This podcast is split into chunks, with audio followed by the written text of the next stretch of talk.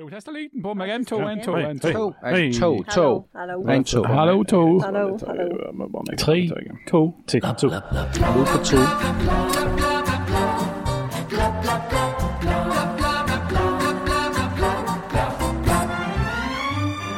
Kvinner har dobbelt så høyt sykefravær som menn. Dette er et mysterium, men gi oss en time, så skal vi nok løse det. Ellers så skal vi innom den beste kvelden i musikkhistorien. Grusomt fjernsyn fra Alaska, grusomheter i Russland og grusomme målinger for Arbeiderpartiet. Såpass må det nesten være. Ja.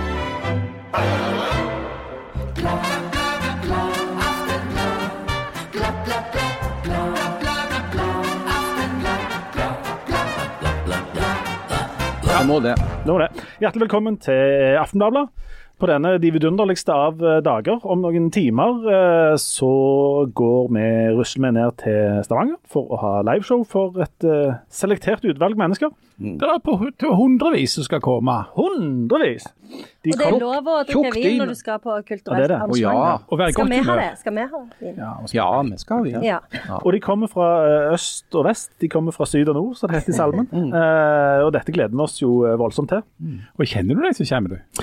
Nei, det gjør jeg ikke. Jeg har invitert en hel del folk. De takket høflig nei, for de skulle være hjemme og se debatten.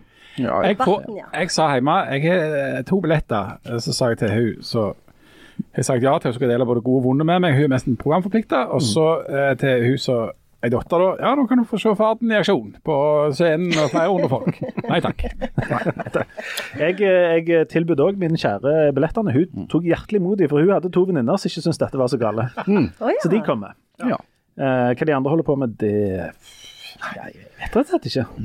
Nei, det er vanskelig å, å få noe særlig gehør fra, fra de nærmeste, det er det.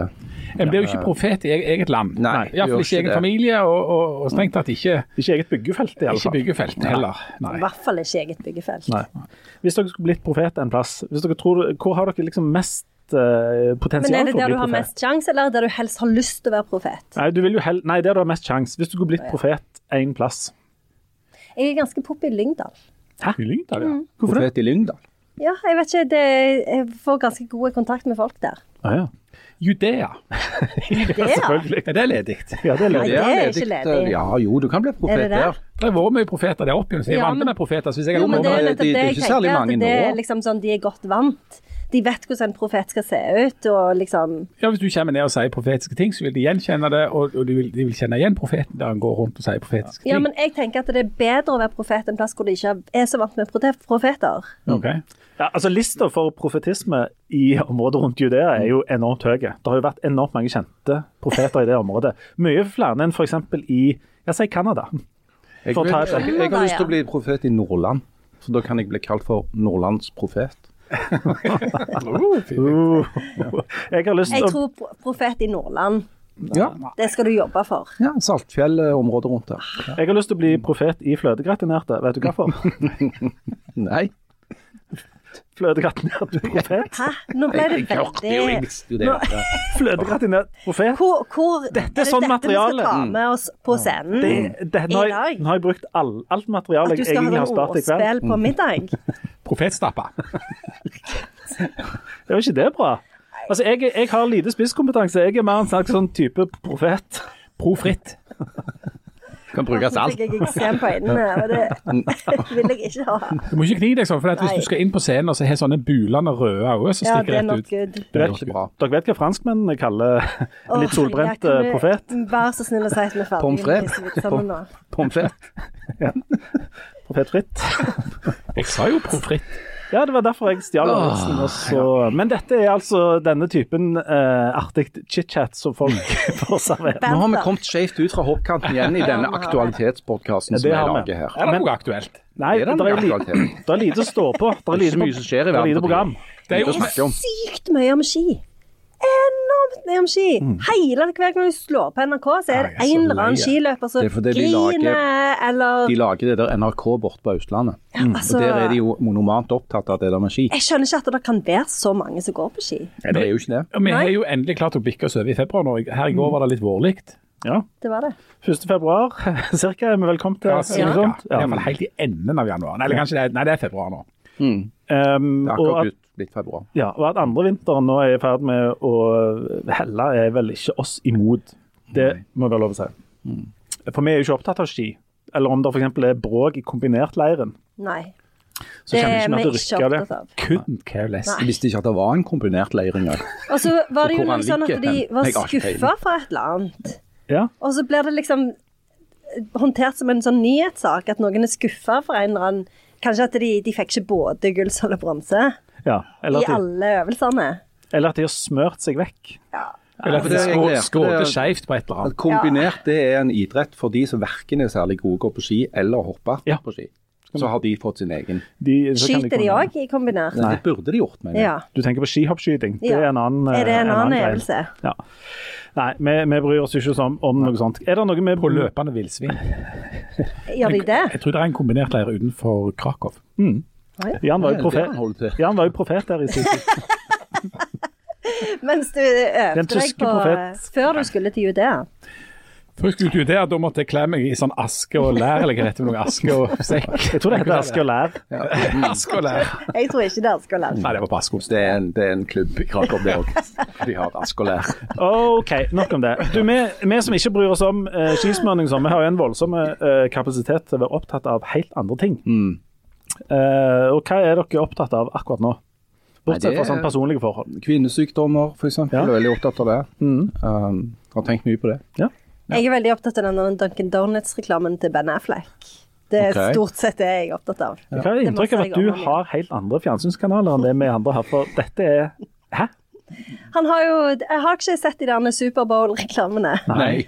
De er jo så gøye. Det er en som heter Dunkings, hvor Ben Affleck eh, begynner å rappe sammen med Matt Damon. Den er veldig veldig gøy. Og så er det en med Christopher Walken, hvor han uansett hva han gjør, så treffer han folk som sier sånn I am glad you came. som liksom later som det er han. Veldig, veldig gøy. Og så Det var en til det var. Jo, jo! Han eh, Michael Cera har sånn reklame for CeraVe ansiktskrem. Har ikke sett disse! Nei! Jeg har ikke gjort noe annet en hele uke. Nå har jeg Du bare sett på de reklamene. reklamene. Og så de der reklamene med, med han um, oh, what's his name? David Beckham og Porsche Spice. Når de skal bestille det der med Hvorfor sitter du og løfter fram ørene? mens Nei, jeg bare ble veldig opptatt av det, så måtte jeg klø meg litt på ørene. Ja, men Løfter nå fram baksida av ørene sine utover, sånn at det ser litt sånn elefantaktig ut. Kan du vifte med dem? Men du, dette her er tilbake, tilbake til saken her. Du sitter og ser på Superbowl-reklamer, fordi at det blir ikke regnet som reklamer, men som sånne milepæler i underholdningsindustrien. Ja, det gjør jo det. Eh, Og du kan jo finne på YouTube så kan du jo finne sånne eh, steder hvor de har samla alle. Eh, Så det er jo ikke alle som er like bra. dette er jo verdens dyreste reklamer. Ja, det er jo Det- det. er Og det de er jo veldig Det er sånn, sant? Ja, alle er ikke like bra, men en del av de er veldig bra og veldig løgne, så de anbefaler jeg alle For det er så å se på. ekstremt mange som ser på Superbowl at derfor er det kjempedyrt å få lov å reklamere. Ja. Men viser de det bare én gang og bare der, liksom? ja, så må de Så, så før i tida var jo det sikkert kjempekjipt, for da fikk du ikke Men siden nå, i dag, så går jo disse da tydeligvis sin seiersgang på sosiale medier. Ja, og, og de der, denne Ben Affleck-reklamen, den er jo masse sånne småfilmer som ligger overalt. og... Men hvorfor får du alltid med deg sånt og vi ikke? Jeg har ikke hørt om dette engang. Ha, men dere har faktisk ikke sett dem? Vi må se dem etterpå. De er kjempegøye. Det skal vi gjøre. Det skal vi gjøre i pausen. Okay. okay. I hvert fall den der, den der Christopher Walken. Vi trenger er ikke, vi trenger ikke se alle, kjenner jeg. Nei, men vi kanskje kan, en. se, kan vi se den Dunkings og den Christopher Walken? Det kan vi det kan vi vel gjøre. Det kan vi gjøre. Jeg ser jo ikke reklame. Nei, men du kan vel se de to? Kjenner ikke, du, kjenner ikke du av og til når du har litt uh, god tid at Nei, nå går jeg inn og ser en reklame for Milano eller noe. Det kjenner jeg, det har jeg aldri kjent. Ikke et sekund, faktisk. Vi skal se de etterpå. Vi skal se de etterpå. Ja. Dette Superbowl-greiene er jo så populært at de, de har nesten 20% av seerne til fotball-VM, faktisk. Så så populært er ja. ja. Så kaller de det fotball, så er det egentlig en, en sport som består av et egg som de hiver. Ja. Så det er egentlig egghiving. Ja. Men eh, nok om det. Nok om det. Ja, Vi skjønner jo ikke så mye av det andre, men en BMW-reklame kan vi jo forstå. Ja, det kan vi forstå. Og så en sånn en, uh, reklame for Opel der han eh, Liverpool-treneren Klopp sitter og så skryter hvert år så godt lys i de. Ja, det, det, det synes jeg. Den reklamen har jeg faktisk sett. Ja, ok. Nei, du, men det er det en ting som har en sånn, et sånn sakskompleks som dukker opp med jevne mellomrom, som vi òg har vært innom av og til, som Aftenbladet har skrev skrevet om i går. Eh, som dreier seg om sykemeldinger. Det, det har Ja. blitt, blitt eh, fått litt rev i seilene, dette her, særlig etter koronaen, der det var mye sånn tall som kom pl- Plutselig så var alle sykemeldte, og så gikk ned og så gikk det opp og sånn. Em, har har den, fått vind i seilene, ikke rev? ja, ja, ja, Hva er det det betyr- Får du ikke av og til Du kan vel få rev i seilene? Nei, det betyr Ja, hvis du får rev i seilene, så, så har du et problem. oh, ja. Reven gnager seg da opp gjennom seilene. Oh, ja, er den faktisk det? Hva, er det- hva betyr det? Er den, er Hvis du, hvis du rever seilene, så, så går det saktere. ja. Hvis du har fått vind i seilene, da har det blitt en ting. Vipper du de? Vipper du de da? Nei, du rever Nei, de, du rever de. du tar de ned. Hæ? Gjør du det? Ja. Ja, ja men det var jo noe, Vi skal snakke om kvinnehelse. Ja, ja, vi skal det. Fordi at den, den eh, konstanten som ligger i disse her eh, sykemeldingstallene, eh, uansett på en måte hva vei de går, om de går opp eller ned, eller om de er preget av korona eller ikke korona, og sånt, er at her er det en um, eh, konstante kjønnsforskjell. Altså, denne statistikken viser at eh, kvinner har gjennomgående mye høyere sykefravær enn menn, ca. dobbelt. Altså i 2022 var andelen legemeldt sykefravær som det heter, 7 blant kvinner og 4 blant menn. Um, og så utvikler dette seg, det går Jeg litt vet opp og ned. hvorfor det er sånn. Ja, vet du det, ja. ja. Da kan vi jo eh, stenge den skuffa ganske fort. Mm. Vær så god. Nei, det er jo fordi at damer er enormt mye mer kompliserte enn menn. Det er så enormt mye mer som kan gå i stykker. Sånn, Det er som om du har en Bensinbil. Bensinbil. En bensinbil, ja. Eller en, en Tesla. Ja, la oss, Altså, bruke, det er la oss liksom- bruke en bilmetafor. Ja, la oss bruke en metafor Tenk så hvis du har en. Ferrari. Mm. Altså, en kvi- kvinner er jo Ferrarier, sant? Lamborghinier, Mm. mens menn er jo mer sånn Dølerhest. det, ja, ja. Enten så virker den, eller så virker den Lokomotivet ikke. Thomas, liksom. Det er ikke så mye som kan gå i stykker. Det er fire-fem deler. Men noe av det som gjør, det, gjør dette interessant, det er jo at, uh, at de som har peiling på dette, ikke klarer å forklare det. Mm. Eh, sant? Um, en, Men da har de ikke peiling, da. Jo, men altså, det er jo, en, en, det er jo et, et element av innsikt i å innse hva en ikke vet ting om. For dette, det er jo et uh, veldig interessant spørsmål, og, og litt sånn rart hvorfor det skal være sånn, da. Um, og så er jo Janne sin favorittforklaring pleier å være at det er fordi at uh, damer får barn, og at, og liksom, Det er at, patriarkatet, at, tror jeg. at det er noe med det. Og så at, at kvinner jobber mer eh, med det der med tredje skiftet, altså hjemme. Og så viser jo statistikken at det stemmer jo ikke i det hele tatt. Altså Nav Statistikken til Jan viser det. Statistikken All til Nav, statistikk viser at statistikken til. Nav viser at eh, hvis du har med barn og det som har med barn å gjøre, så, så, kan, så er det den uforklarte delen eller altså, da, da er, da, Det kan forklare 70% av forskjellen. Hvis du fjerner barn fra ligningen i det hele tatt, så er du fremdeles på 60% som er uforklart. Eh, og så viser det seg at når du legger sammen hvor mye menn og kvinner jobber, så jobber menn mer enn en kvinner. Sånn at det er, ikke, det er ikke mengden arbeid, og det er ikke barna som forklarer det.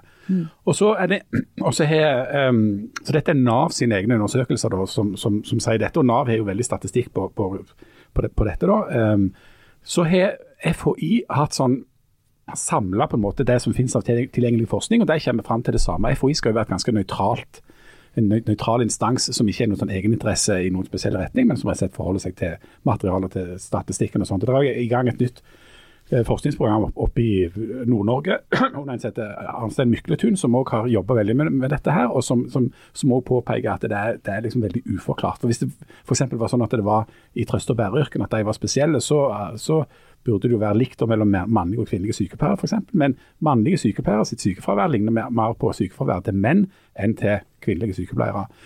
Og så vil du få ulike forklaringer, litt basert på ståstedet til de som skal forklare det. Sånn at i, i vår avis, når en snakker med ei som eh, professor, ikke nødvendigvis i helse, men, men i, på, på Senter for kjønnsforskning, så vil du få sånne strukturelle forklaringer. At dette handler om at, at det er for lite forskning på kvinnesykdommer. Og at det finnes en del kvinnesykdommer som, som, som, som liksom skulle forklare dette. Men det er jo rart at det du ikke viser i, i statistikken. da.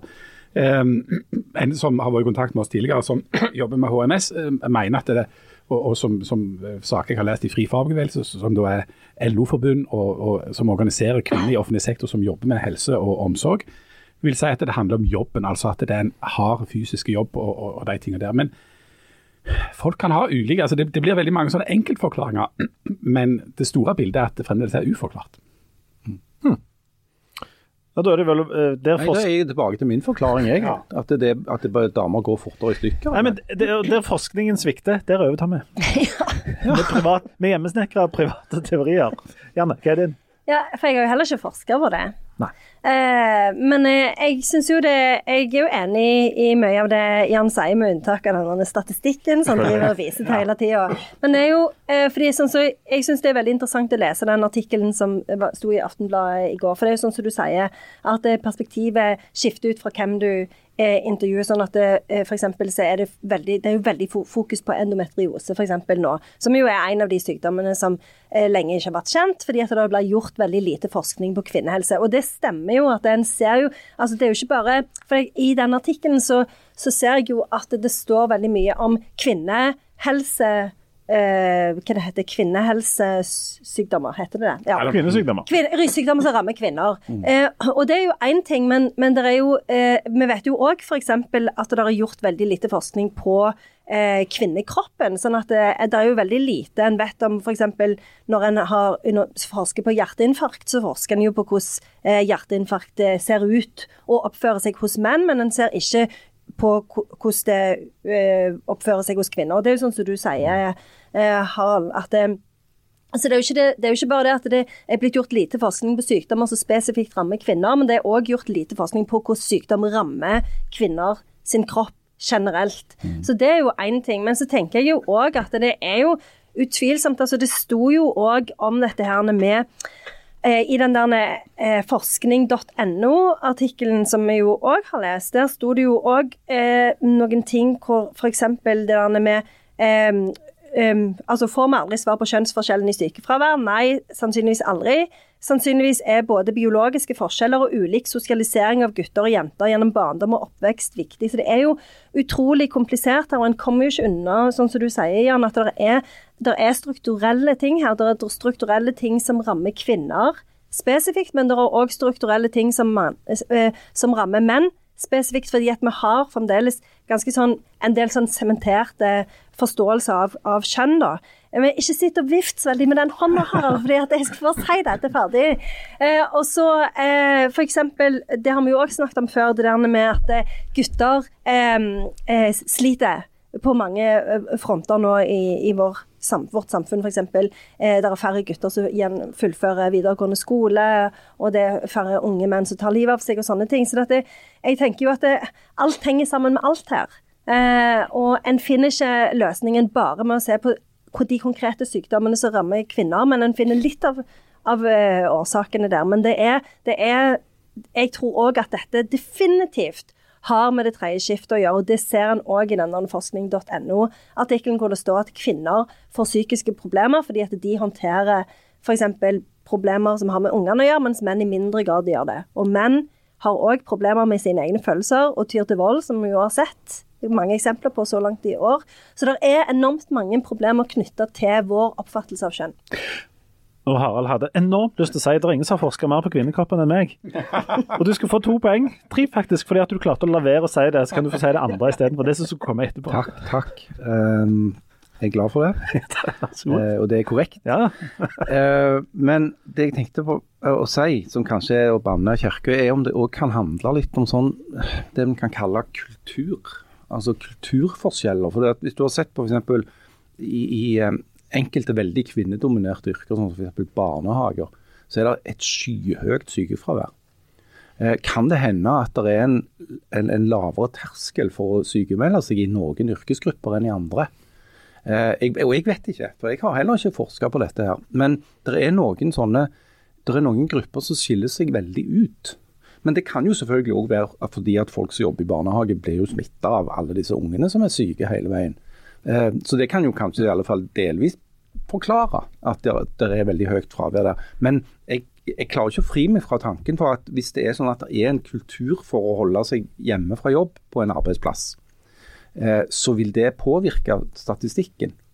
Eh, og at det kanskje er mer utbredt på typiske kvinnearbeidsplasser enn på typiske mannsarbeidsplasser. Men jeg skjønner ikke hvorfor det skulle være mer typisk på kvinnearbeidsplasser. Hva skulle være grunnen til det? Det vet jeg ikke, fordi jeg har ikke forska på det. Men da, jeg bare lurer på om det kan være noe har ikke- Ingenting har du forska på? Jo, bortsett fra på Ja, ja, okay. Altså, en, en annen kjønnsforskjell i Norge når du ser på yrkesliv, er jo, er jo hvor kjønnssegregert arbeidsmarkedet er. Altså Kvinner jobber jo for en veldig stor del i offentlig sektor.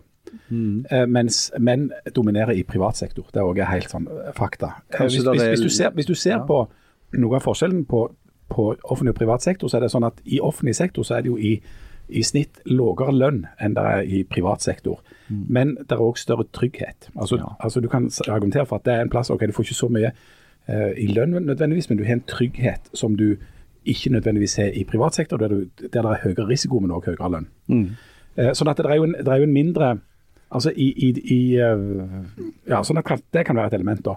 Men, men jeg tror også at det ligger Igjen, nå er vi på magefølelse og truing og synsing og sånn som dette her. Vi er jo profeter. Det, det, vi, dette er vårt arbeidsverktøy. Ja. Men altså, altså, en, altså holdningen og, til sykdom, holdningen til eh, helse, egenhelse, holdningen til det å gå på jobb. Um, kvinner under 50 år går dobbelt så mye til legen som menn. Det kan jo være et utslag av at en kan si, da er det enten sånn at kvinnene går for mye til legen, eller så er det mennene som går for lite til legen. Og så kan det jo være, ok, hvis det er sånn at menn i mye mindre grad er hjemme fra jobb, eh, burde de ha vært mer hjemme fra jobb? Nemlig. fordi at det er jo ikke, Altså, det, det altså. Vi snakker jo om dette underforstått som at det er at det, den damebiten det er noe galt med. Men eh, det kan jo òg være at eh, denne, altså en av årsakene til forskjellene mellom menn og damer er at menn alltid undervurderer hvor syke de er, og at, og at damer kanskje overvurderer det litt. grann, at, Hvis vi hadde liksom hatt et, et uh, jevnt nivå der, så hadde denne forskjellen Bortsett fra hvis det minket. er manflu, da undervurderer vi det jo ikke. Men, ja, og det, var- det var mitt neste poeng. at jeg, jeg har en sånn, og igjen magefølelse, profetisk, um, er, er jo at menn enten er Nei, det går helt godt. Eller så ligger du for døden. Altså Det er de to du har. Mens damer kanskje er litt flinkere, og kanskje noen er for flinke, til å gå og kjenne litt på at nå er det akkurat ditt. Ja. Ja. Men, mens menn mangler den evnen. og det er, jo, det er jo en av grunnene til at menn også kommer til legen eh, 14 dager før de dør, mens damer liksom er der to år før og får unngått uh, dette. Ja, og Det er derfor jeg syns at vi må se på alle disse tingene sammen.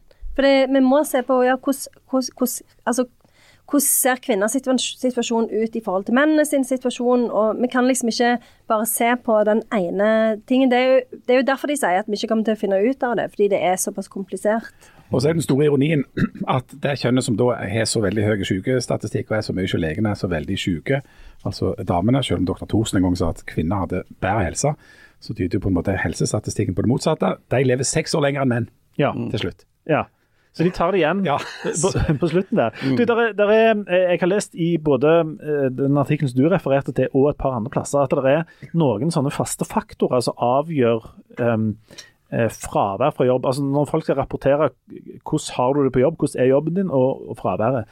Og Det er eh, altså kombinasjonen av at når du kommer på jobb, så har du høye krav og liten kontroll over egen arbeidssituasjon. Altså Du styrer ingenting sjøl.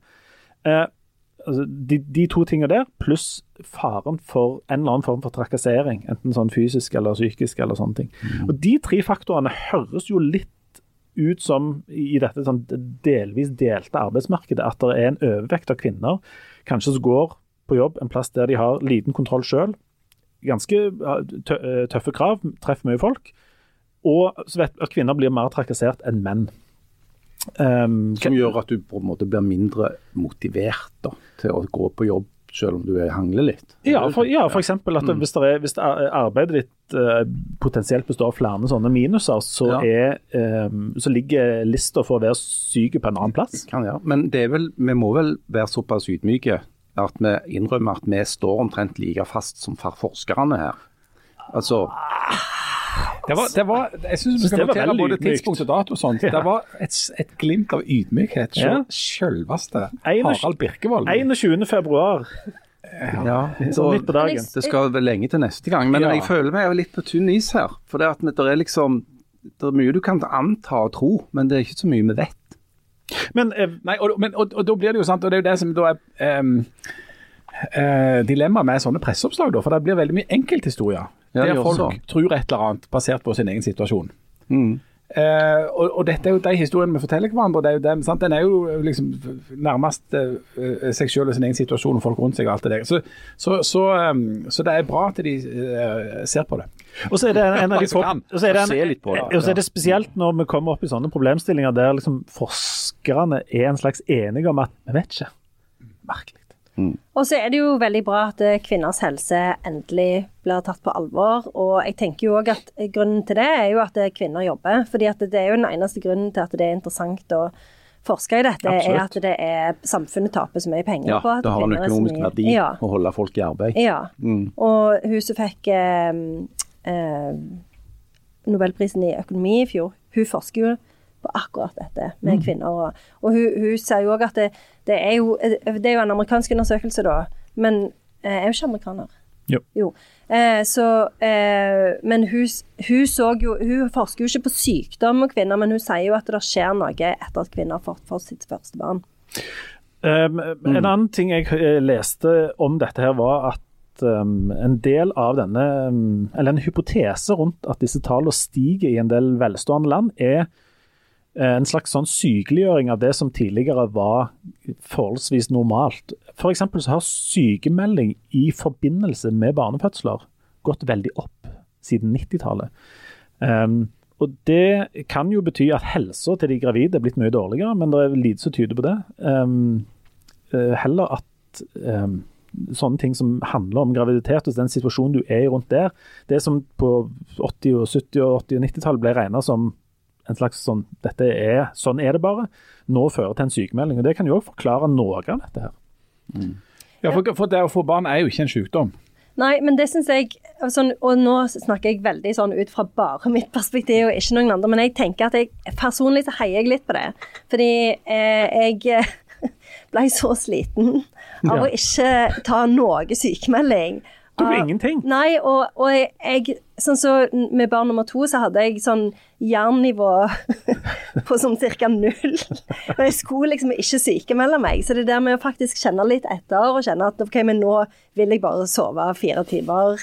Det ligger mye jern i deg som er i luftskjeva. ja, ja det, det heier jeg litt på. At kanskje kvinner faktisk skal kjenne litt mer etter. Selv om det ikke er en sykdom, så er det ganske sånn stor belastning faktisk å være gravid. Men så er vi jo da i den situasjonen at Norge er helt spesielt i verden da, med det, den velferdsstaten vi har, som er så ekstremt Ja, absolutt, omfattende. Sånn at det, dette er jo også en overflytting da av ansvar til det kollektive, egentlig. Mm. Altså til staten, og til at, at det offentlige skal betale eh, for at du selv da ikke føler at du kan eh, fungere optimalt, eller at du kjenner et eller annet. Og Det interessante der er jo at Norge liksom har verdens høyeste sykehusstatistikk. Det kan jo, altså, det er ingenting som tyder på at vi har verdens hardeste arbeidsliv. Det er ingenting som tyder på at vi har verdens sykeste befolkning.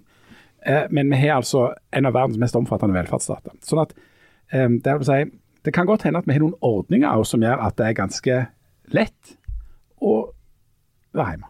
Ja.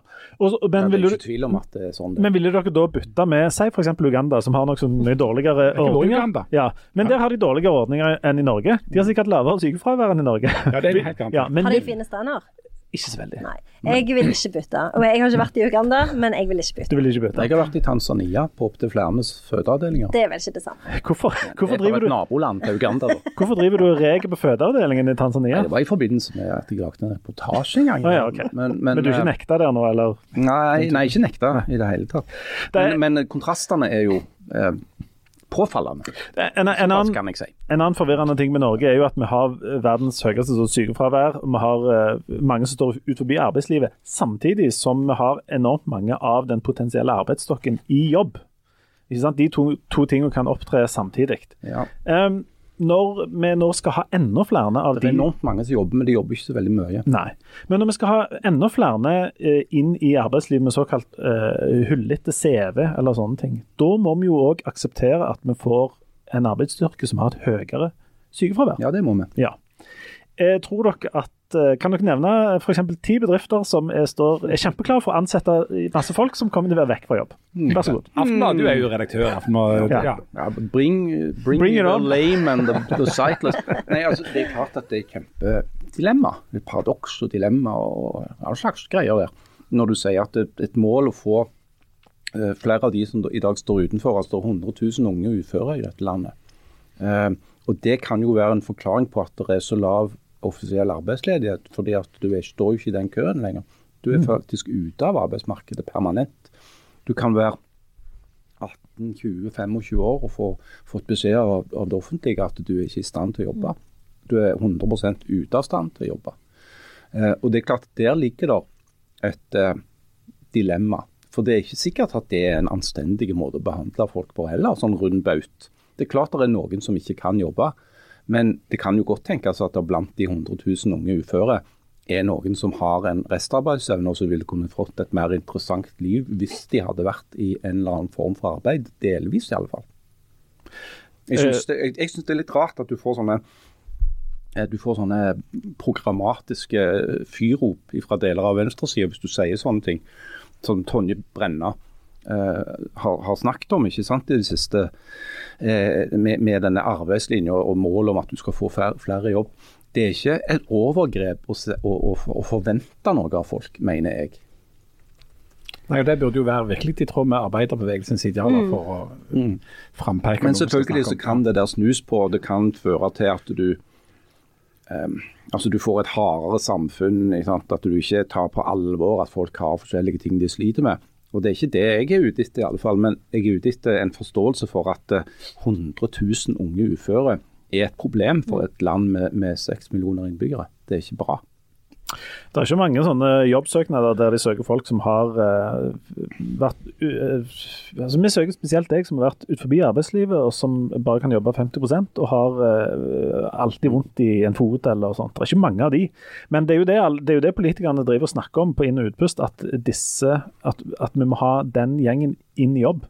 Men hvor i all verden skal de jobbe da, når sykefraværet, som da naturligvis vil følge med, blir et sånn kjempeproblem. Ja, og Når du får et uh, arbeidsliv som er preget av mer og mer automatisering, og uh, kunstig intelligens kommer for fulle mugger, altså hvor, hvor, du kan se for deg at en god del jobber som i dag er ganske godt betalte middelklassejobber, kommer i, i spill pga. teknologisk utvikling.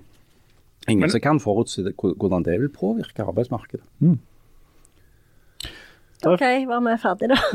ja, jeg skal akkurat til å si, Apropos det, det er jo 14 profeter i Det gamle testamentet. Det er 14, ja. 14. Hvor mange klarer dere? I hvert fall Jesaja. Jesaja? Jeg vil ta Habakuk med en gang før noen andre gjør det. Han står ikke på denne lista. Han er der. Men det er ikke en kristen liste, det er Wikipedia. Elias. Ezekiel, Elias, ja. Jeremias. Ja. Skal vi ta de i stigende rekkefølge? Abraham, Amos, Elia, Elisa står det her. Esekiel, Hosea, Jeremia, Jesaja, Daniel, Jonah, Mika, Nathan, Zakaria og Samuel. Ja, Men her er jo ei dame òg. Hva skjedde med Habakuk? Ja, det er veldig, veldig spesielt. Uh, Jeremias, det har vi jeremiaden etter. Ja, han klagde. Ja. Det? Ja, mye klaging. Ja, bare klaging. Mm. Ja. Jeg tror du kalte det verop. Ja. Ved deg. Ja. Og han, Israel. Ja, han, nå kommer Jeremia. ja. Oi, vei. Oi. Og så Jonah, med, han, med, han med den hvalen. Han han, var, han var den første som fikk rev i seiler. Sant. Men kanskje Habakuk ikke er en profet, det er bare en bok? Ja, det, det, Men det eh, kan vi finne ut av i pausen. det er jo ei kvinnelig profet òg. Ja. Vi finner ut det òg i pausen. Er Ruth. Ruth. Jeg vet ikke om hun var profet. Hun var ikke det? profet i eget land. Nei, hun Ruth, jo. Hun erfarte at det var veldig vanskelig å bli profet i eget land. Hun jobbet, bare, hun jobbet bare i barnehagen der i Ju- Judea. Ja, hun var sykemeldt hele tida. tiden. Var aldri på jobb. Ja, ganske stress på Ruth. Men hun sa det var å livmor og hele tida. Ja, men hun sa at det var strukturen. Det var. Patriarkat, Og eller? kvinner, er så late. Utrolig Det er bare Jeremia. Det er Jeremia. Det er hele tiden. Sykeste og late. Eller få inn han Habakuk. Det har du Karl. har du en type. Derav navnet. OK, nå må vi ta en pause, for nå har vi mye med Ja, nå skal vi se den der videoen. Ja, det skal vi. Ja! Vi er snart tilbake.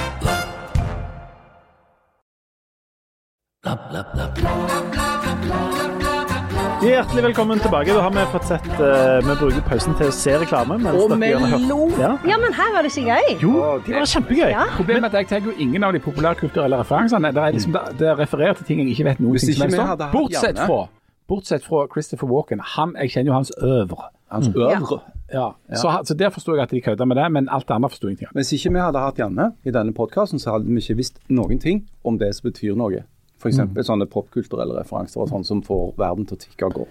Så Særlig i Amerika. kanskje jeg bør få en premie for det? Ja, det bør du du få. Ja. Du kan få, litt senere skal du få et, noen tips og råd fra sjamanens rike. Ja, det vil jeg ha. Er sjamanen tilbake? Det trenger jeg, for jeg er skikkelig langt Jeg hadde en ekstra time i dag på å forberede meg, og da klarte jeg å Ah. forberede noe sjamansk. Var det en problemfri time? På ingen måte. Nei, for du var jo ikke i Gode venners lag. På ingen måte. God profeters lag, i hvert fall. Mm. I gode sjamaners lag? Det, det denne pausen viste, var at uh, Janne er Altså, hvis du skal følge med i dagens samfunn, så må du bruke mye tid på internett. Ja, Og Janne er den eneste av oss som bruker tilstrekkelig tid på internett. Jeg bruker litt tid på internett, ikke nok. Jan, Jeg bruker så lite som mulig til å prøve å unngå internett så godt jeg Janne er kvinne og ansatt i det offentlige. Ja. Hun har masse tid som du kan bruke på enten å vurdere å sykemelde seg, eller være, uh, surfe på internett. Ja, ja. For dette, jeg var med i en sånn, for jeg er med i en annen podkast på NRK. Judas Iskariot! Podkasten til Og der skulle vi snakke om. Kanye West. Ja. Og så var det programlederen var sånn Ja, nå får vi snakke om denne Kane West. Kane, ja. Så jeg sånn, hæ? Jeg trodde du tulla. Så jeg var liksom sånn Du mener Kanye? Eller liksom Jeg var sånn Ja, ha-ha, han skifta navn igjen. Ja.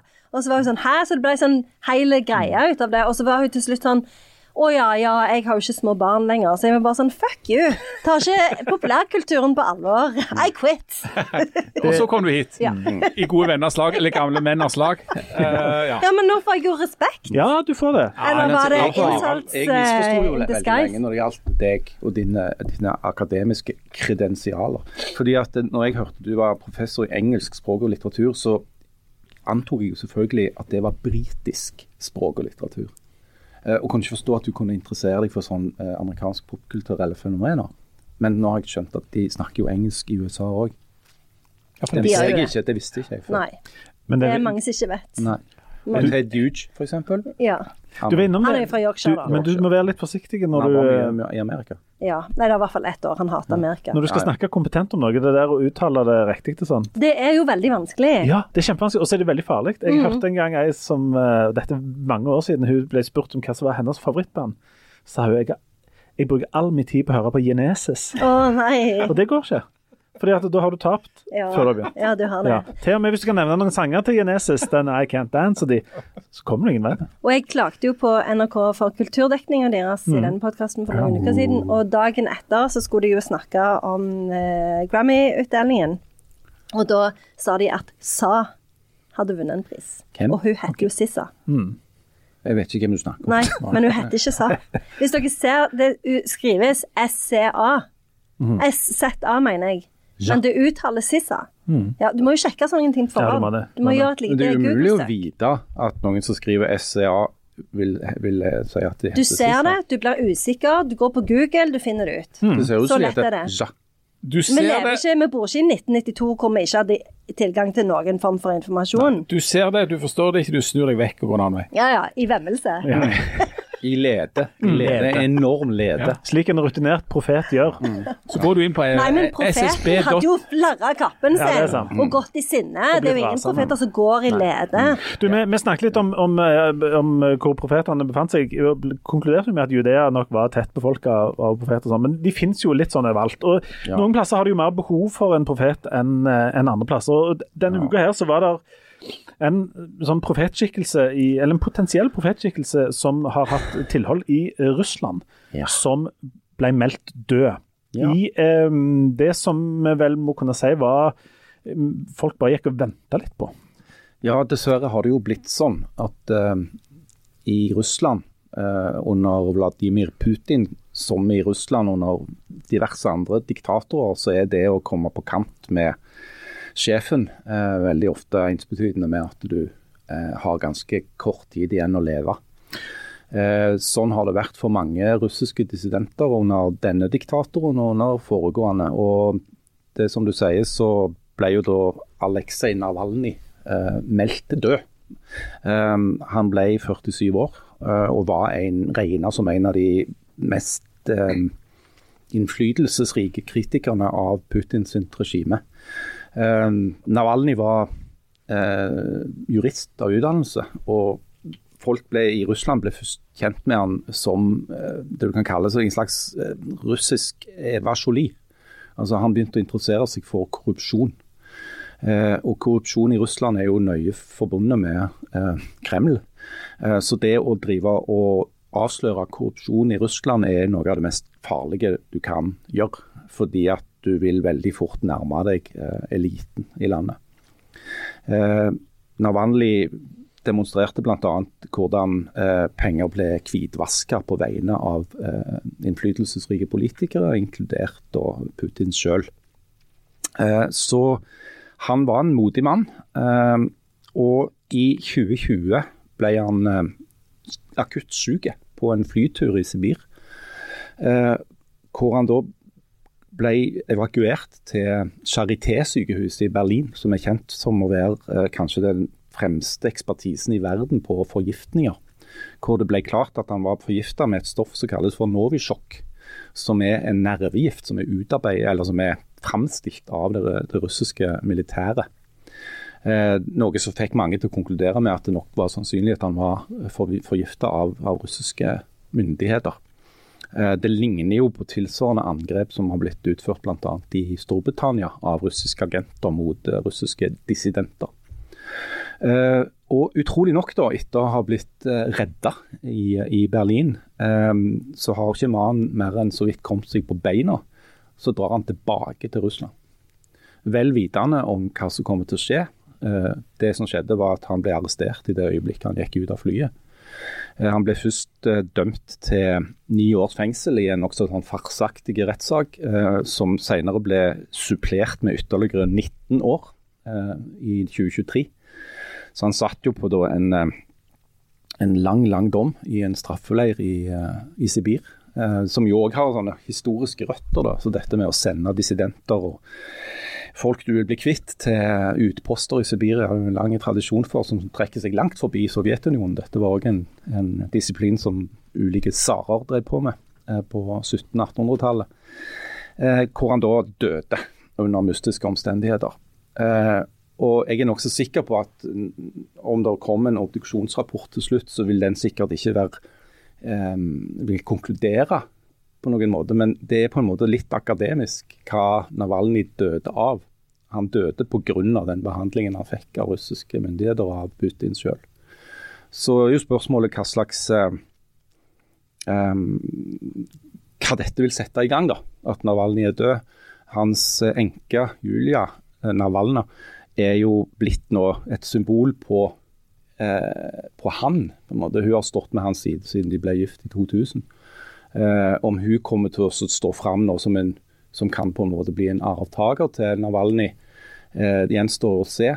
Eh, det har vært demonstrasjoner og markeringer i over 30 russiske byer det siste døgnet, eh, hvor folk har eh, på veldig sånn stillferdige måte satt fram blomster, tent lys og uttrykt sin respekt for det Navalny sto for.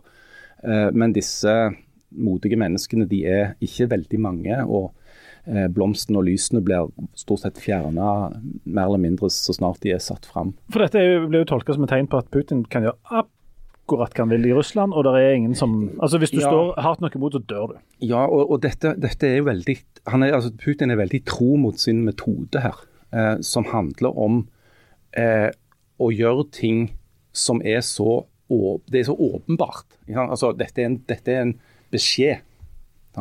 Jeg kan gjøre hva jeg vil. Hvis du utfordrer meg, så dør du. Eh, og Det er konsekvensen av å opponere mot Putin i Russland, det er at han dreper deg. Det er det han vil at folk skal vite. Mm. Og Navalny sitt håp lå jo i noe annet vel som har vært greia med profeter. da, At en profet risikerer å bli enda mer verdt når han er død og har blitt en martyr i tillegg til å være en profet. Mm.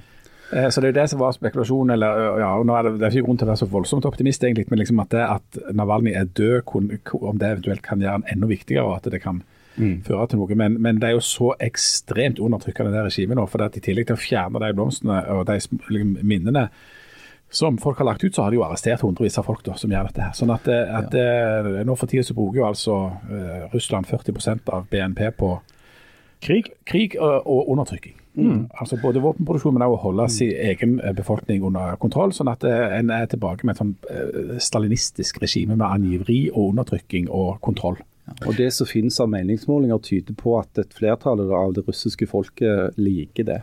Mm. altså det uansett hvor sykt det kan høres ut, så er det ganske mange russere som har sans for at Putin er en mann som ikke lar seg pelle på nesen, og at hvis du utfordrer han, så tar han livet av deg. Det var den, eh, den, russiske profeten. Så skal vi bevege oss over grensen til, til Norge. For det er jo profeter her òg, både i, i, vårt område. Her er vi jo mange. i, Ja, ja, ja. i Rogaland er jo eh, Ja, Norges vi, har jo Judea. allerede, vi i denne, dette rommet har jo allerede løst dette problemet med høyt sykefravær blant kvinner. Og i Trondheim så er det en profet som har eh, satt seg for å løse alle problemene til Det kongelige norske Arbeiderpartiet. Ja, ja, Det er jo en tidligere avskilta profet. Han eh, gikk jo Profethøgskolen og hadde en karriere, og så eh, ramla han inn i litt uføre. og Nå sitter Trond Giske i, og har løsningen til eh, helbredelsen av det norske Arbeiderpartiet. og Det har vært en enorm sjau og masse Sjelden har vel valgkomité vært så i vinden som nå. Eh, og, og han holder på og har blitt nestleder i, i Trondheim, og, der er, og folk kjefter på hverandre og er rasende og sånt. Eh, og alt dette skal jo føre Arbeiderpartiet på rett spor igjen. Eh, og nå har det jo nettopp vært en eh, liten opptelling på hvordan dette har gått, Jan. Hvordan gikk det? Er de Nei, på sporet igjen nå? Nei, det går, jeg tror ikke det er helt på sporet. Jeg tror I forrige uke så var det vel sånn at da lå, de, da lå Frp 3,5% bak på den meningsmålingen. og Så kom det en ny meningsmåling eh, uka etterpå. Da var Frp større enn Arbeiderpartiet. Så ting tyder på at eh, de er ikke helt på sporet helt ennå. Frp har ikke vært større enn Arbeiderpartiet siden når var det tidlig 2000-tallet? Ja. Ja, det var en liten variant der. Så, så dette er dårlige nyheter for uh, Frp. Nei, for Ap. Ap er det vel Eller, det er jo dårlige nyheter for begge. Og så har vi akkurat, ja, akkurat avslutta makta, som hele snakkeklassen har snakket i vei om. Og så spurte du, i den grad vi hadde forberedt dette her, eller Tore, hvordan kan det ha seg at sånne som oss er så enormt opptatt av Arbeiderpartiet? Ja. For det er vi jo. Alle, alle, alle sånne snakkegreier snakker i vei om Arbeiderpartiet. Og, eh, og den eh, fantastisk gode eh, podkasten til eh, Harald Eia og Tore Sagen, der de nå altså da bruker kunstig intelligens for å få liksom, stemmen til Jonas Gahr Støre, det er noe av det morsomste som finnes akkurat for tida. Men nå, hør på oss, ikke på det. Um, men, men jeg vil si at det er verdens minste overraskelse at sånne som oss er så opptatt av Arbeiderpartiet. Og Det er rett og slett fordi at det er Arbeiderpartiet som har styrt Norge stort sett sammenhengende siden krigen. Eh, altså eh, Først i sånn eh, fram til 63-65 liksom med, med rent flertall, og så med noen sånne innsmett av noe Høyre og noen sentrumsregjeringer eh, opp gjennom der.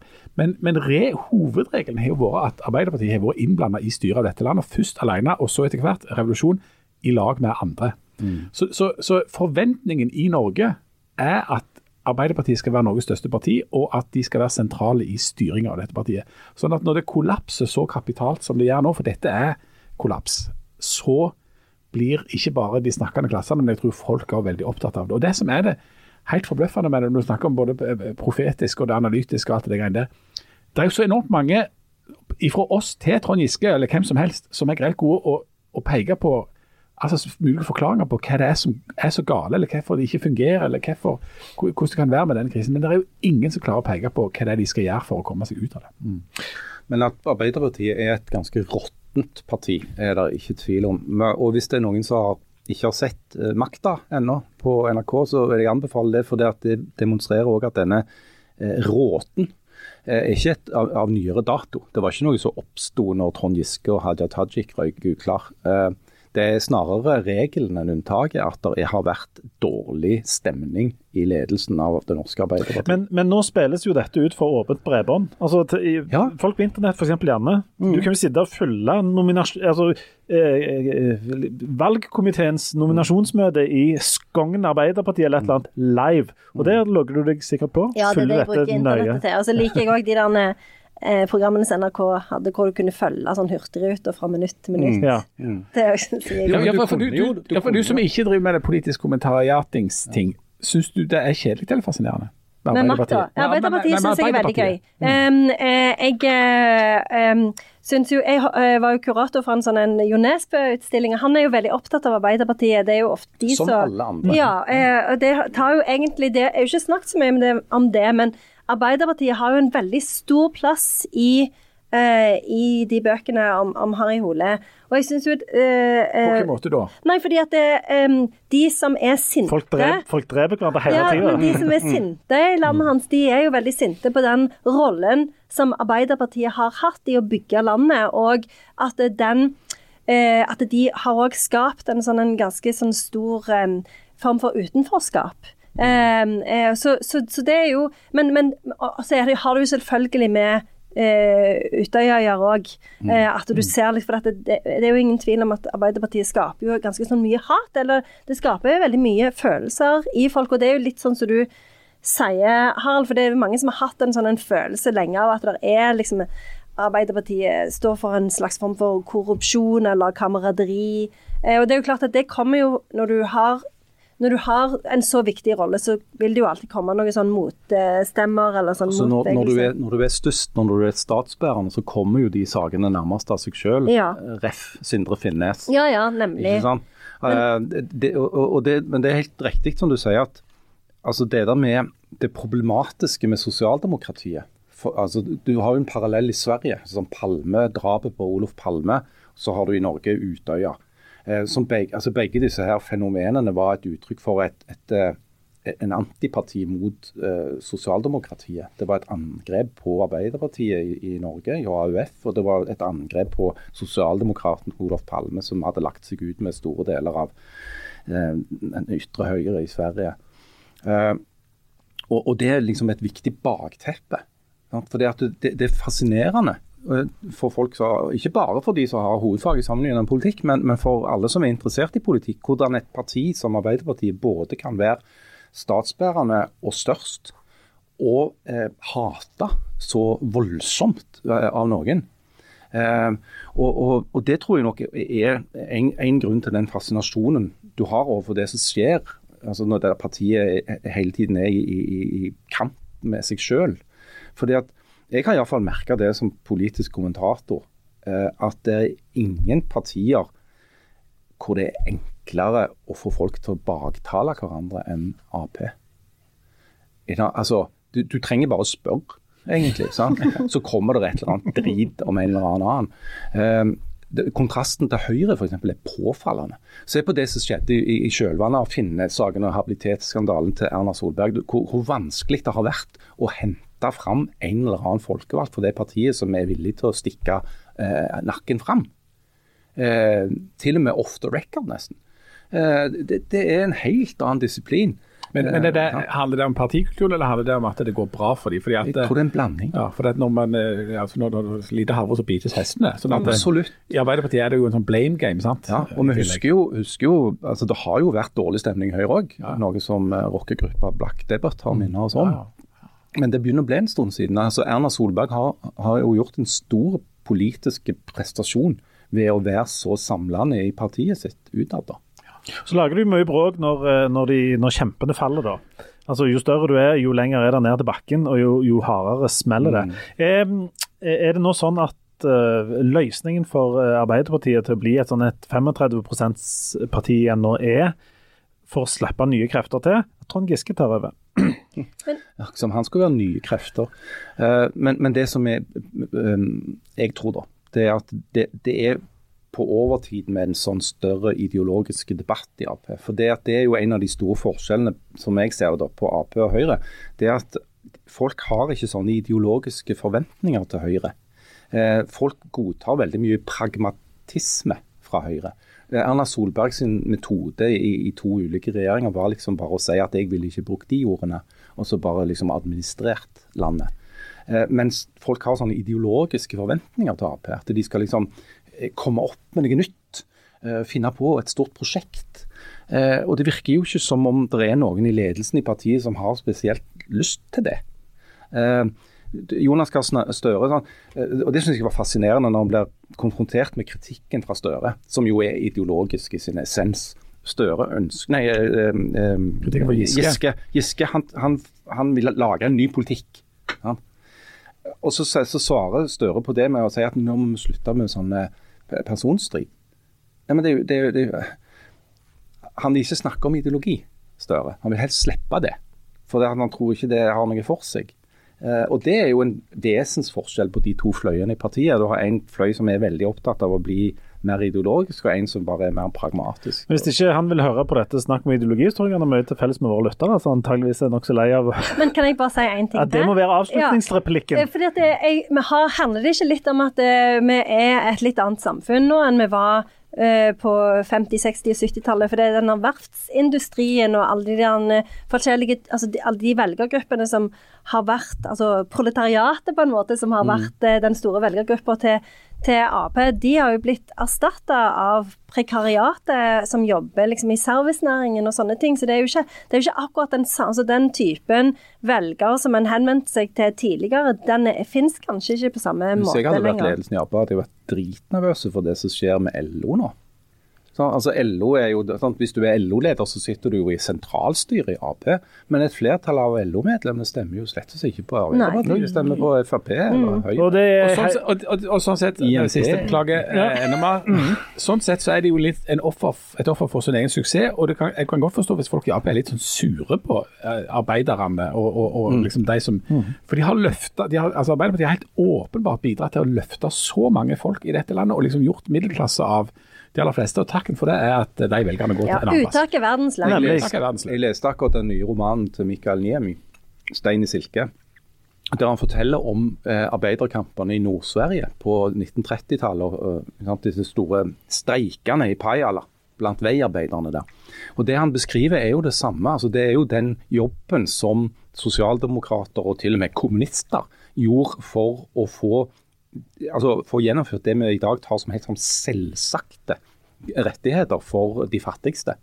Um, og det er klart at De står jo på skuldrene til disse folka, de, de som er sosialdemokrater i dag. Og så ser de litt stakkarslige ut. Eh, sant? Altså Sett uh, Jonas Gahr Støre på skuldrene til Martin Tranmæl eller Håkon Lie. Jonas Gahr Støre så bitte litt ut sånn som, eh, eh, sånn som Bob Dylan ser ut i den der We Are The World-dokumentaren. Og før, før vi nå skal det, Ja, altså. men, nei, men det passer best her. Ja. Hæ? Det passer best med litt med sjaman her. For Vil du ha litt sjaman her? jeg vil ha Ja, sjaman, ja, ja, ok. det er som en sånn Et, lite innslag av sjaman. Ja, som et sånt tips til du Slå litt på trommene dine, Linde. Linde. Ja, sjaman, heisekran, you lift me up. Um, fordi eh, Er det, altså? Jeg tror han har sagt nordlending. Det- Sjaman Heisekran. ja, sjaman. Fordi at, fordi at det eh, Arbeiderpartiet trenger, er jo sannsynligvis en sjaman. Altså, ja. Ja, en og, de må kunne, og de må kunne fortelle folk hvordan en kan hvordan folk kan få leve et spennende og morsomt liv. Oi, oi, oi. Det høres bra ut. Det er jeg med på. Dette vil du òg, Janne. Ja, Ja, ja, ja. ja, ja, ja. Men altså, for det dette, kjente jeg letta litt. Eh, For folk kan jo gå rundt og lure på hvordan det kan ha seg at, eh, at du ikke opplever at du lever et spennende og morsomt liv. Eh, Men eh, som sjamanen skriver i boken sin, så står det altså at det er en, en viktig grunn til at folk ikke lever et storslått liv fullt av fantastiske opplevelser og storartede eventyr. Og hva er grunnen? Skal vi gjisse? Ja. Betennelser i kroppen. Nei. Manglende kontakt med sjamanismen. Nei. Eh, Automatiseringen av hverdagen. Det er fordi folk er programmert til å tro at det er vanskelig. At det koster tid og anstrengelser, blod, svette og motgang. Det hadde jeg aldri tippet. Problemet er rett og slett ren indoktrinering. Du kan folk- bare gli inn i det, egentlig. Ja, ja, men altså, folk tror at de må kjempe mot overmakt og, og overvinne liksom, sånne massive Ja. hindringer for å fortjene retten til å leve et godt liv og eie fine ting. Ja. Som jo er tett forbundet med det å eh, leve et godt liv. Sa han å eie fine ting? Ja, ja, ja. Oh, ja. Um, og så har du da mediene, sant, det er jo oss, uh, som da Å ja, ikke de ordentlige mediene. Nei, nei, nei, nei, mediene sånn som oss. Vi, vi bidrar da til, til denne programmeringen av Ja. folk. Uh, uh, Det er jo da altså en programmering som innebærer at vi må lide for å fortjene velvære og glede. Så, så, så det vi skal gjøre, eller det en må gjøre, det er jo rett og slett å komme seg ut av den fella som er lagt for oss sjøl. Og så må vi rett og slett bare manifestere hvordan livet skal bli spennende og morsomt. Hvordan var det med manifestering igjen? på det jeg Ja, det var noe først må det jordes og, og litt sånne Ja, det var eh, ting. jording, ja. Men du kan gjøre litt sånn som dette. Må det være 16 ampere, da? du Ja, må 16 ampere. Men, men, og, og så er det det med at en må liksom gjøre noe sånn fælt for at det skal bli fint. Men, Ja, det kan ja, bare ja, det trenger du ikke. ja. Men da, Det blir veldig kort egentlig i dag, Ja, men, men sånn et, bare ja. som et kort tips. Det Ja. her kan både Jonas Gahr Støre og, og Trond Giske og dere alle andre notere. Du skal liksom tenke sånn som dette. Nå har jeg gjennomgått alle disse forferdelige greiene, så nå fortjener jeg å nyte den infrarøde saunaen min og Kangen vannfilteret. Men jeg så du Og ikke ekteskapet mitt. men jeg trodde du Infrarød sauna og og Hva, hva er denne lidelsen? Er det liksom livet ditt fram til nå? Ja, det er liksom alt jeg det trodde du han trengte ikke å lide. Nei, nei, jeg skal ikke det. Nei, det var, dette var en dårlig Hva er en tips. infrarød sauna? Jeg aner ikke. Jeg, jeg, ja, Men det er sånne er ting som du har lyst på på hvis du er sjaman. Ja, i Amerika er Ja. er det, det er ikke noe link til det vannfilteret? Jeg, har, jeg tror ikke jeg har et eneste vannfilter. Nei, jeg er heller ikke Men jeg la meg merke i at du, for- at du må lide litt for at det skal bli noe fint. Og Det er en fin overgang til, eh, over til det som jeg mener er lykken i livet, i motsetning til sjaman, nemlig å finne noe godt se på fjernsynet. Ja. For De siste ukene har vi gått og vært trippa og venta litt på å snakke om to ting fra fjernsynet. Vi er jo veldig opptatt av fjernsynet. Den ene er um, eh, True Detective. Den fjerde og siste sesongen av True Detective. Og den andre tingen er uh, Netflix-dokumentaren om We Are The World. Har dere sett dette og sett det ferdig? Jeg har sett de episodene som er lagt ut av True Detective, og nå, hørte, ble jeg litt uh, spiste i ører. Ja. Fordi at du sa at dette er den siste sesongen. Er den foreløpig, eller er den eh, definitivt at det aldri blir mer? Jeg tror det er den siste sesongen. og Og den siste episoden Var, var det sesongpremiere denne uka? For jeg har ikke sett Det var denne sesongfinale. Var det det? Ja. De, så det er ferdig nå? De har lagt finalen til slutt, og så har de lagt sesongpremieren Ja, først. dette var den siste episoden. Dere Jeg har sett dere det. vet hvordan det går? Nei, nei, nei. Jeg vet hvordan det går, men jeg skal ikke røpe det. Ikke røp det. Men, Men- hva syns du om hva, Kan du si liksom Hvordan er slutten i forhold til resten? Ja, Nå skal jeg si hvordan, uh, hvordan den serien har vært. Ja. Først så syns jeg det var kjempestilig. Den første sesong, den, nei, den første episoden pluss en halv til, og så syns jeg de hadde en sterkt fallende kurve. Og så syns jeg de hentet seg veldig godt inn i, oh, ja, gjør de? i den siste episoden. Gjør de det? Ja. For det at jeg har ikke vært så skuffa over noe jeg har sett på TV siden siste sesong av Game of Thrones. Ja, men jeg tror kanskje at da må vi snakke om det neste uke heller. Ja, det, Ja, ja. jeg tror alle må ha sett den okay, siste episoden. ja, men, tror du ikke det? bare for å si, for at Vi så, prøvde å se episode fire i går, og på et visst tidspunkt så skrudde vi av. For da var følelsen av at det skjer jo ingenting. Det er ingen utvikling Det her. skjer Nei. absolutt Det er liksom ingenting. hvor, eh, hvor er Og det virker som liksom den der saken er det at, Og det er et eller annet, et eller annet. Men eh, Kan vi, men kan vi ikke ha, kan ja, vi ikke ha da- sett Vi kan se neste gang. Jeg, jeg kan bare si det at den siste episoden er, eh, i motsetning til de andre, enormt um, handlingstunge. Altså, han, han Der skjer OK, nå Masse. skal jeg hjem og se den. Og derfor, så, men Vi kan spare den til neste gang, men uh, la oss heller ta en annen anbefaling. Uh, og det er Netflix-dokumentaren om We Are The World. For det er, i motsetning til sånne grusomme drap i Alaska og omkring, enormt kjekt. Ja, det, Enormt det er en helt sykt gøy. Eh, og jeg tror det, de fleste har jo sikkert sett den, for det er vel, det er vel Alle har vel sett denne dokumentaren? Uh, nei. Har de ikke det? Jeg, jeg, jeg, det står jo om han overalt. Og På internett. Men Jan og Harald har ikke tilgang til er Nei, men dere har sett den. Vi Ja, har du har ikke sett den. Har du ikke sett den? Nei, og det er en gysla den. stygg sang òg. Okay. Det er en fantastisk sang Eh, som vi jo er litt opphengt av, som vi har sunget på, jula, på okay. Skal vi bare, jeg skal bare sette i gang? Kjør på, ja, kjør på. Ok, For det første. Eh, Lionel Richie, eller Lionel, som Michael Jackson tydeligvis kaller han, han må jo være den hardest arbeidende mannen i showbiz. Altså, Først leder han til det showet, så vinner han én million priser. Og så tar han hånd om We Are The World-innspillinga etterpå. Som han har skrevet før showet. Mens slangen til Michael Jackson nesten har Kommer drept han opptil flere ganger. Hva er det dere snakker om? Det er Så bra! Men jeg må si, hvis jeg skal si favorittøyeblikket mitt, så er det jo når eh, Cindy Lauper først snakker om hvor enormt viktig hun syns musikken er, og at den har kraften til å endre verden, og at det er noe hun alltid har trodd på. Og så får du vite seinere at noen sier at eh, Cindy Lauper kommer sannsynligvis ikke til å være med fordi kjæresten hennes sier at dette kommer ikke til å bli en hit.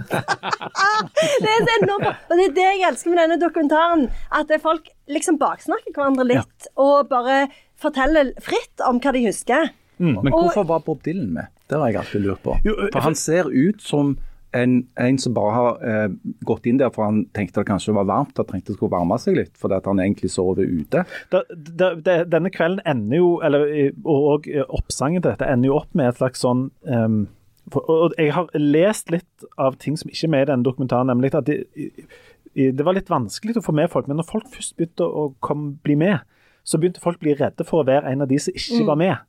Eh, og så, altså når, når de kunne si at Bruce Springsteen er med, da kom Bob Dylan. liksom, eh, eh, og sånn. Men, og Bob Dylan er jo fantastisk i den, for han ser Han er så på bortebane.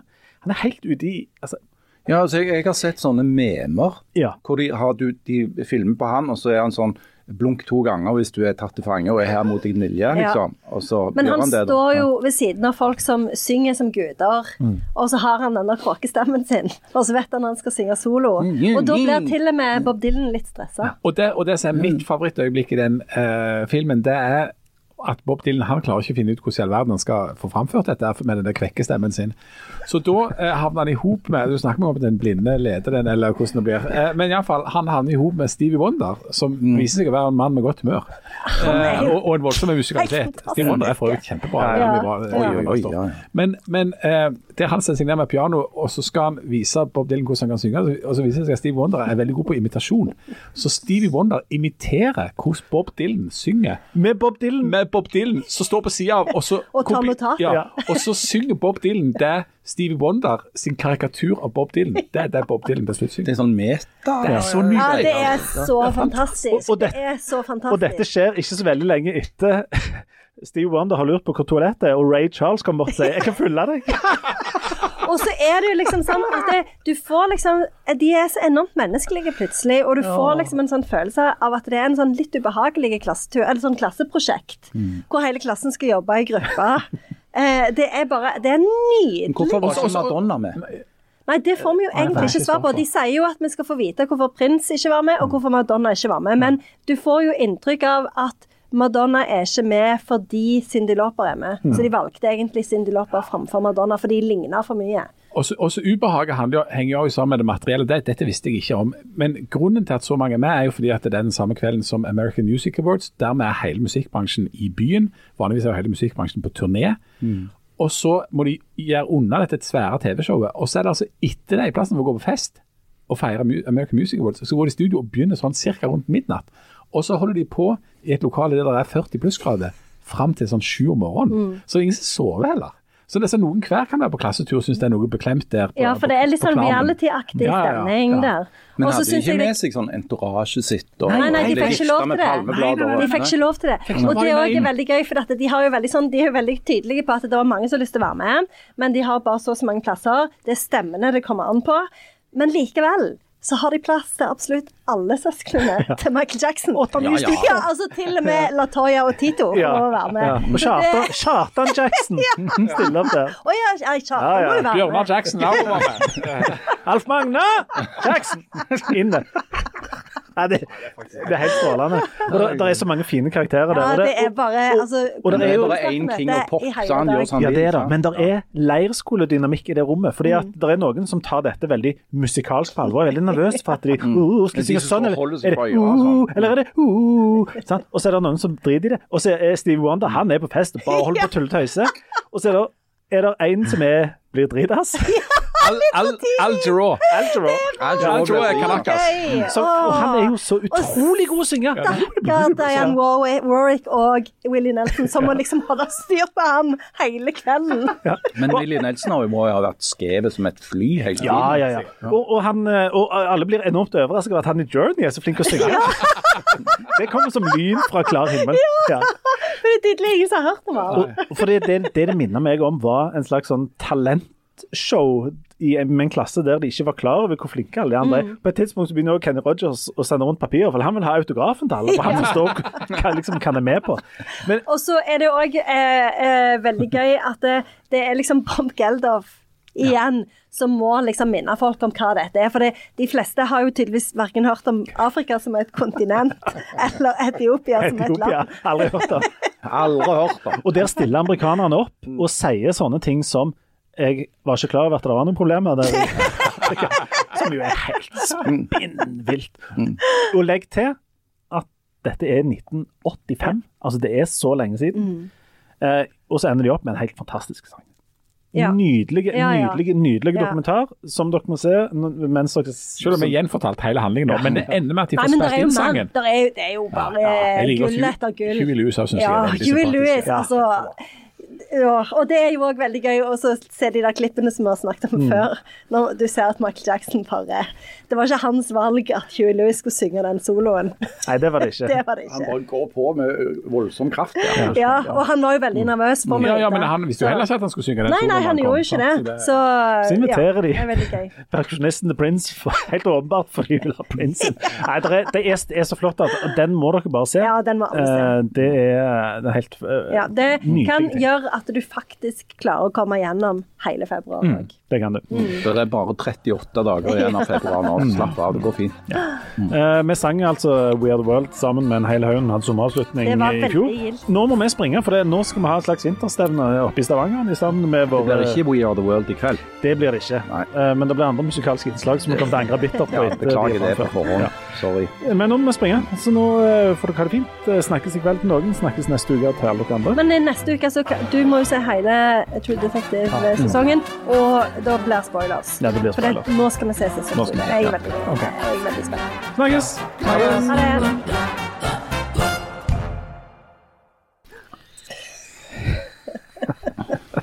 Er dere klare til i kveld? Ja, i, kl- i, er i kveld? I kveld? Svarte bananer. Det er ikke lov å tulle med engang.